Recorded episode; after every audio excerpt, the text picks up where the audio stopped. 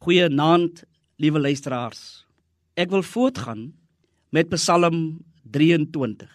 En die vraag wat ek wil vra is: Leef u en ervaar u ook dat daar niks in u lewe kort kom nie?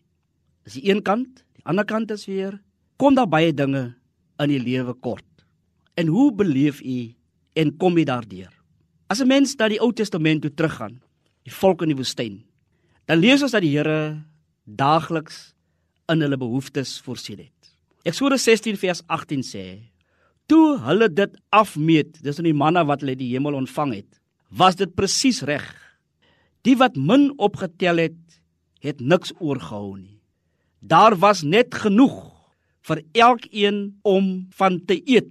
Die hele ondervinding van 40 jaar in die woestyn vorm die agtergrond vir hierdie oortuiging en verwagting.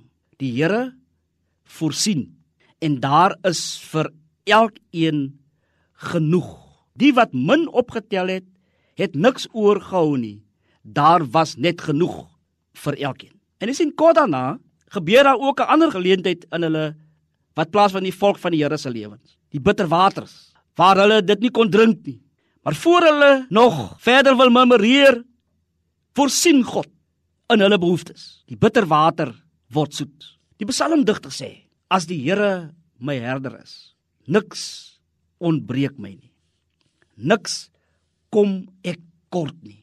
Want dit is God wat my deur die donker dieptes bring. Dis God wat my veilig bring by plekke waar daar vrede is. Dis God wat my rustigheid in my lewe verskaf.